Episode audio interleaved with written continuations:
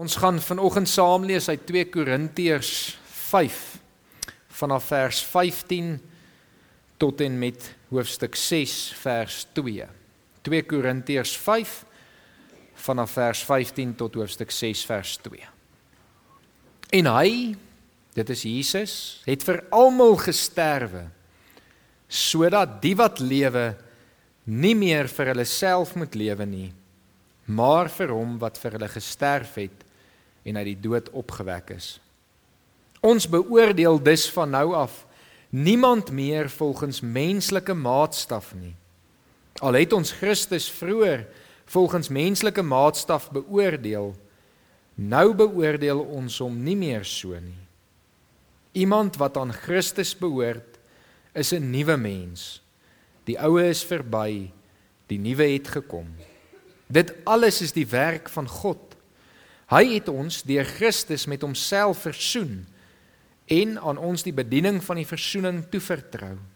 Die boodskap van versoening bestaan daarin dat God deur Christus die wêreld met homself versoen het en die mense hulle hulle oortredinge nie toereken nie. Die boodskap van versoening het hy aan ons toevertrou. Ons tree dus op as gesande van Christus en dit is God wat deur ons 'n beroep op julle doen Ons smeek julle namens Christus aanvaar die verzoening met God wat hy bewerk het.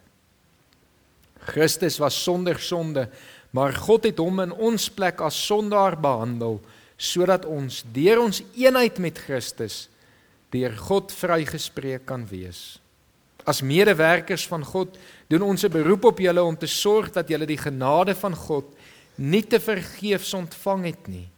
Hy sê op die regte tyd het ek jou gebede verhoor en op die dag van redding het ek jou gehelp. Kyk, nou is dit die regte tyd. Nou is dit die dag van redding. Tot en met sover. Die Nuwe Testament moedig ons op soveel plekke aan om geestelik volwasse te word. En tog is my vermoede dat as ek meeste van julle vanoggend sou vra en julle baie eerlik sou wees, sou julle erken dat dit nie so maklik is nie. Dis makliker gesê as gedaan om werklik geestelik volwasse te wees en te leef. Ek dink baie van ons wonder selfs presies wat word bedoel met die hele konsep van geestelike volwassenheid. En daaroor skryf Paulus gereeld moedig hy mense aan. Moenie net stop by die melkvoeding nie. Gaan dieper, ontdek nog meer, vra nog vra. Leer God nog beter ken. En op 'n manier bly dit vir ons al is dit al soveel jare later, al het daar soveel geleerde mense al geleef, boeke geskryf ensovoorts, bly dit vir ons moeilik op 'n praktiese vlak. Ek het in my eie lewe die laaste 2 weke opnuut amper hiermee geworstel. Ons val so maklik in 'n groef in wat maar net vir ons bekend is en gemaklik is en eenvoudig is dat ons eintlik nie verder poog om te groei nie. Dat ons nie verder moeite doen om te sê maar Here, wie is U? Nie een van ons sal in ons lewenstyd ooit God in volle kan leer ken nie. Maar dit beteken nie ons moenie probeer om so ver as moontlik te gaan nie. Ons moenie tevrede wees om maar net te wees nie. Om maar net te bly waar ons is nie. En daarom is dit vir ons nodig om vanoggend net weer herinner te word aan wat beteken dit om regtig in 'n verhouding met God te staan, op pad met hom te wees en hom toe te laat om in jou te werk en al hoe meer in jou gestalte te vind. Die sielkunde het my gehelp om so klein bietjie hierdie konsep meer prakties te maak en beter te verstaan. Die sielkunde sê vir ons daar's omtrent 4 vrae wat enige persoon moet kan antwoord om uiteindelik 'n volwasse mens te kan wees. En uiteindelik kan ons hierdie presiese vraag gaan toepas ook op ons geestelike lewens en eintlik is dit mos dat ons nie in twee wêrelde leef nie. Op die ou ende is die geestelike antwoorde baie meer waar as enige ander antwoord wat ons ooit in ons menswees sou kon gee. Die vier vrae is: Eerste plek, wie is jy? Tweedens, waar behoort jy? Waaraan behoort jy?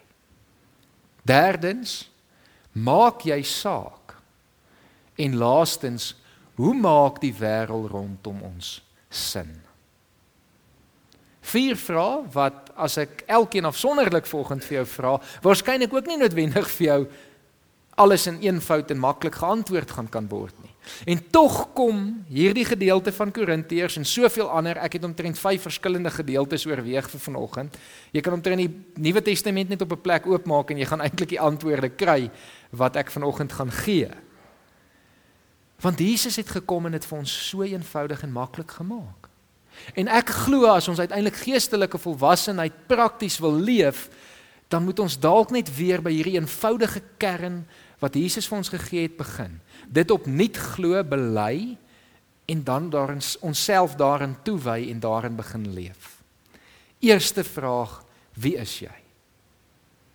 Vanoggend kan jy daai vraag vinnig vir jouself antwoord en ek het in my maand spesifiek eintlik oor hierdie vraag alleenlik gepreek en daarom gaan ek vanoggend nie te veel verder daarin ingaan behalwe om opnuut weer die kern antwoord wat ek glo jou antwoord behoort te wees uit te lig nie.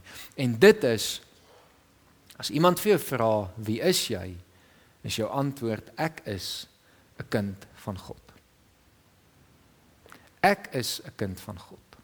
Enige iets anders wat jy jouself jou eie identiteit wil mee definieer kan bykom tot 'n mate.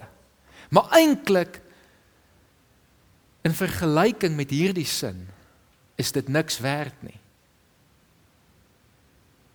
Paulus in hierdie selfde brief van Korinte maak dit baie duidelik. Alles waarna hy homself eens op 'n tyd gekoppel het, het hy geleer om weg te gee want dit beteken niks in vergelyking met hierdie sin nie. Ek is 'n kind van God. Dit behoort die identiteit te wees waaruit ek en jy leef, bestaan, wees. Ek is 'n kind van God. En dit bring ons by die tweede vraag. Waar behoort jy of waaraan behoort jy?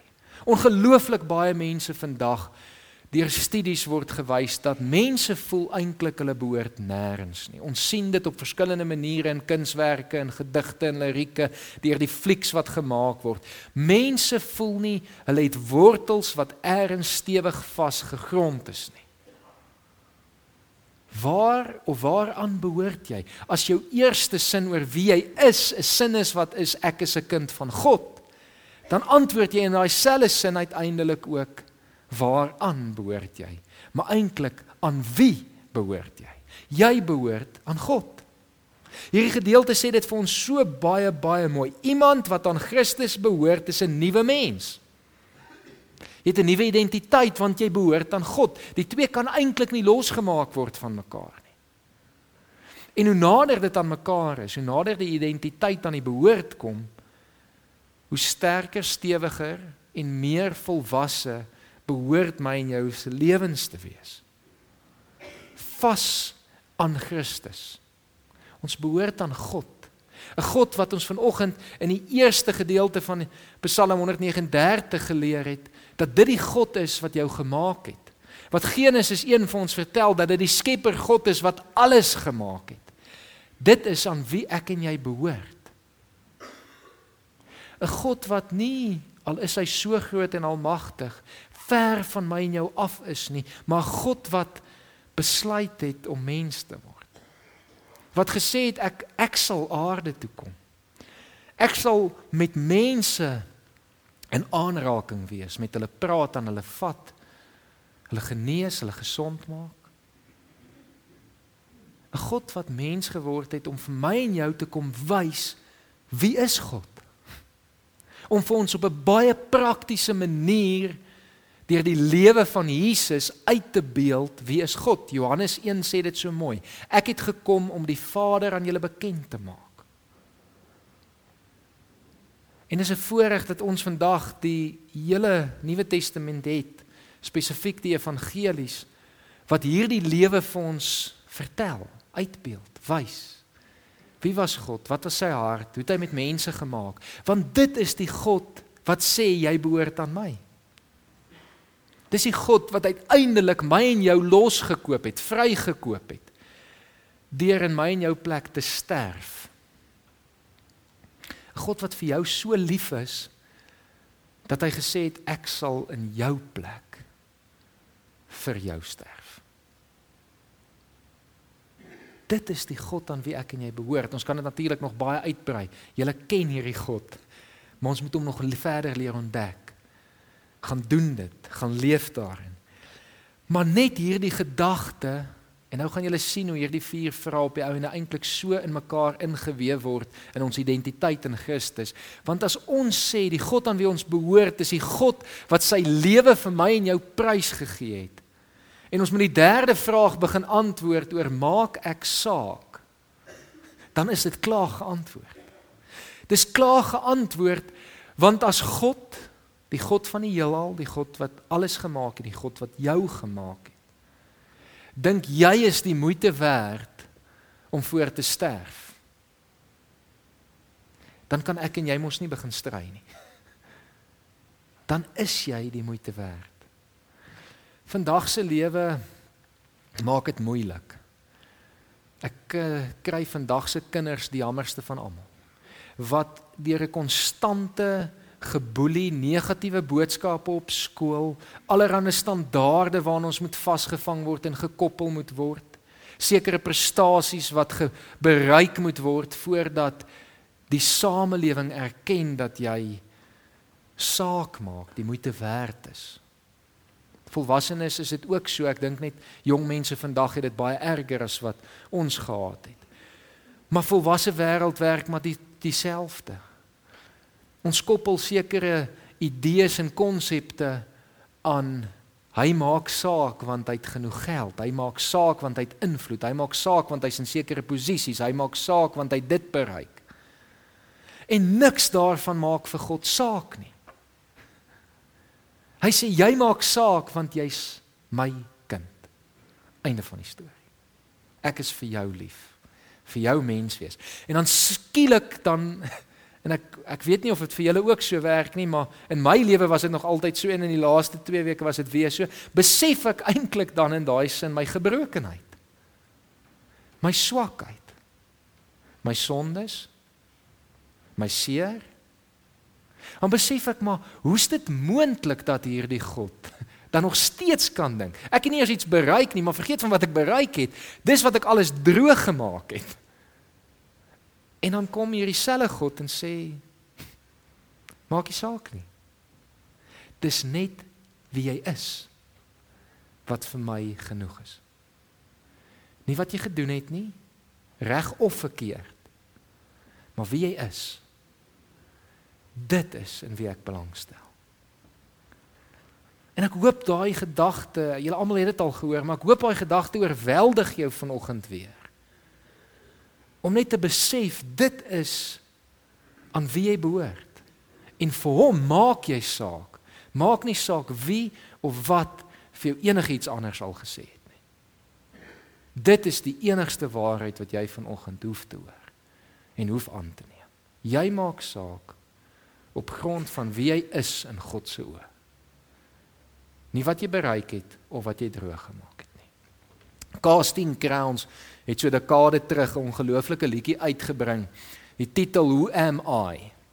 Ehm um, julle kan dit gaan luister. Ek het besluit daar gaan nie vanoggend genoeg tyd wees om dit te speel nie.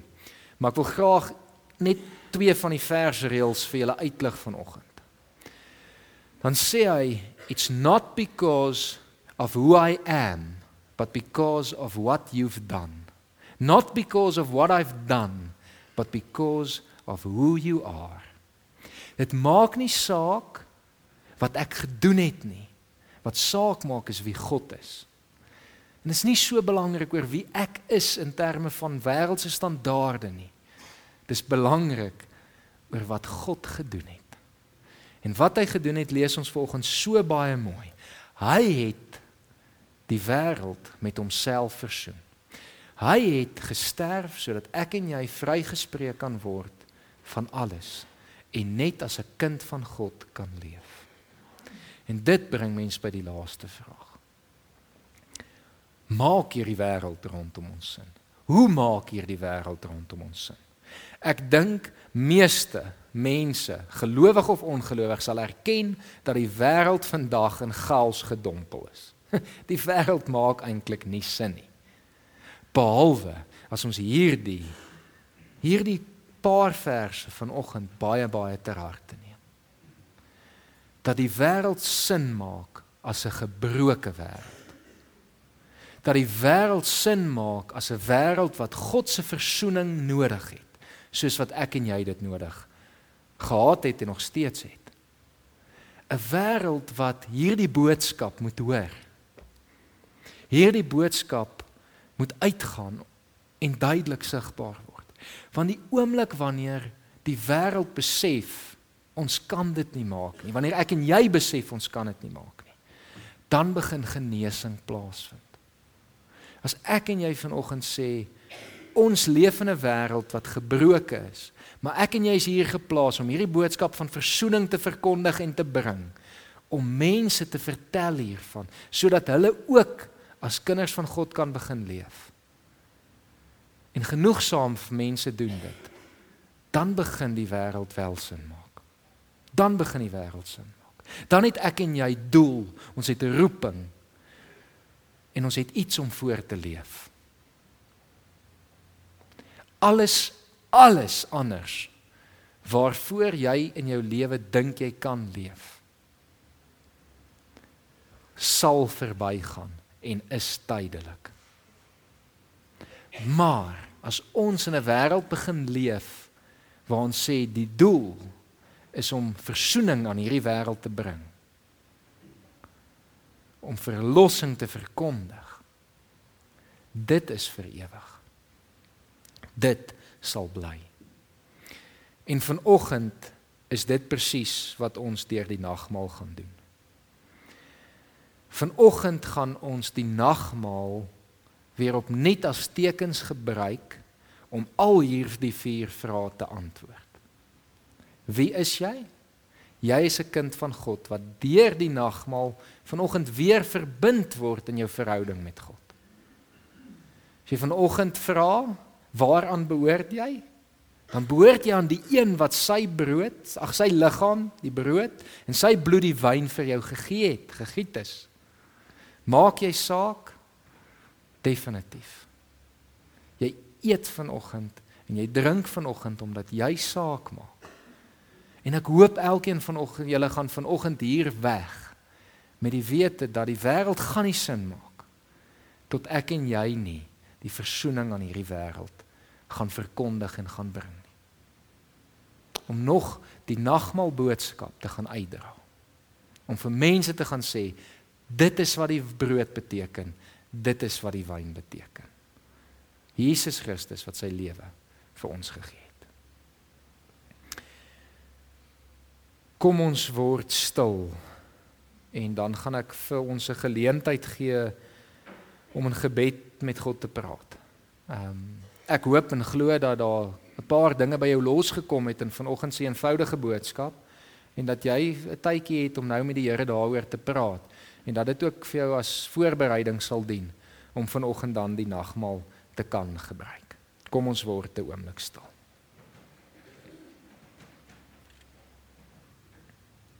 Op die regte tyd het ek jou gebede verhoor en op die dag van redding het ek jou gehelp. Kyk, nou is dit die regte tyd. Nou is dit die dag van redding. Amen.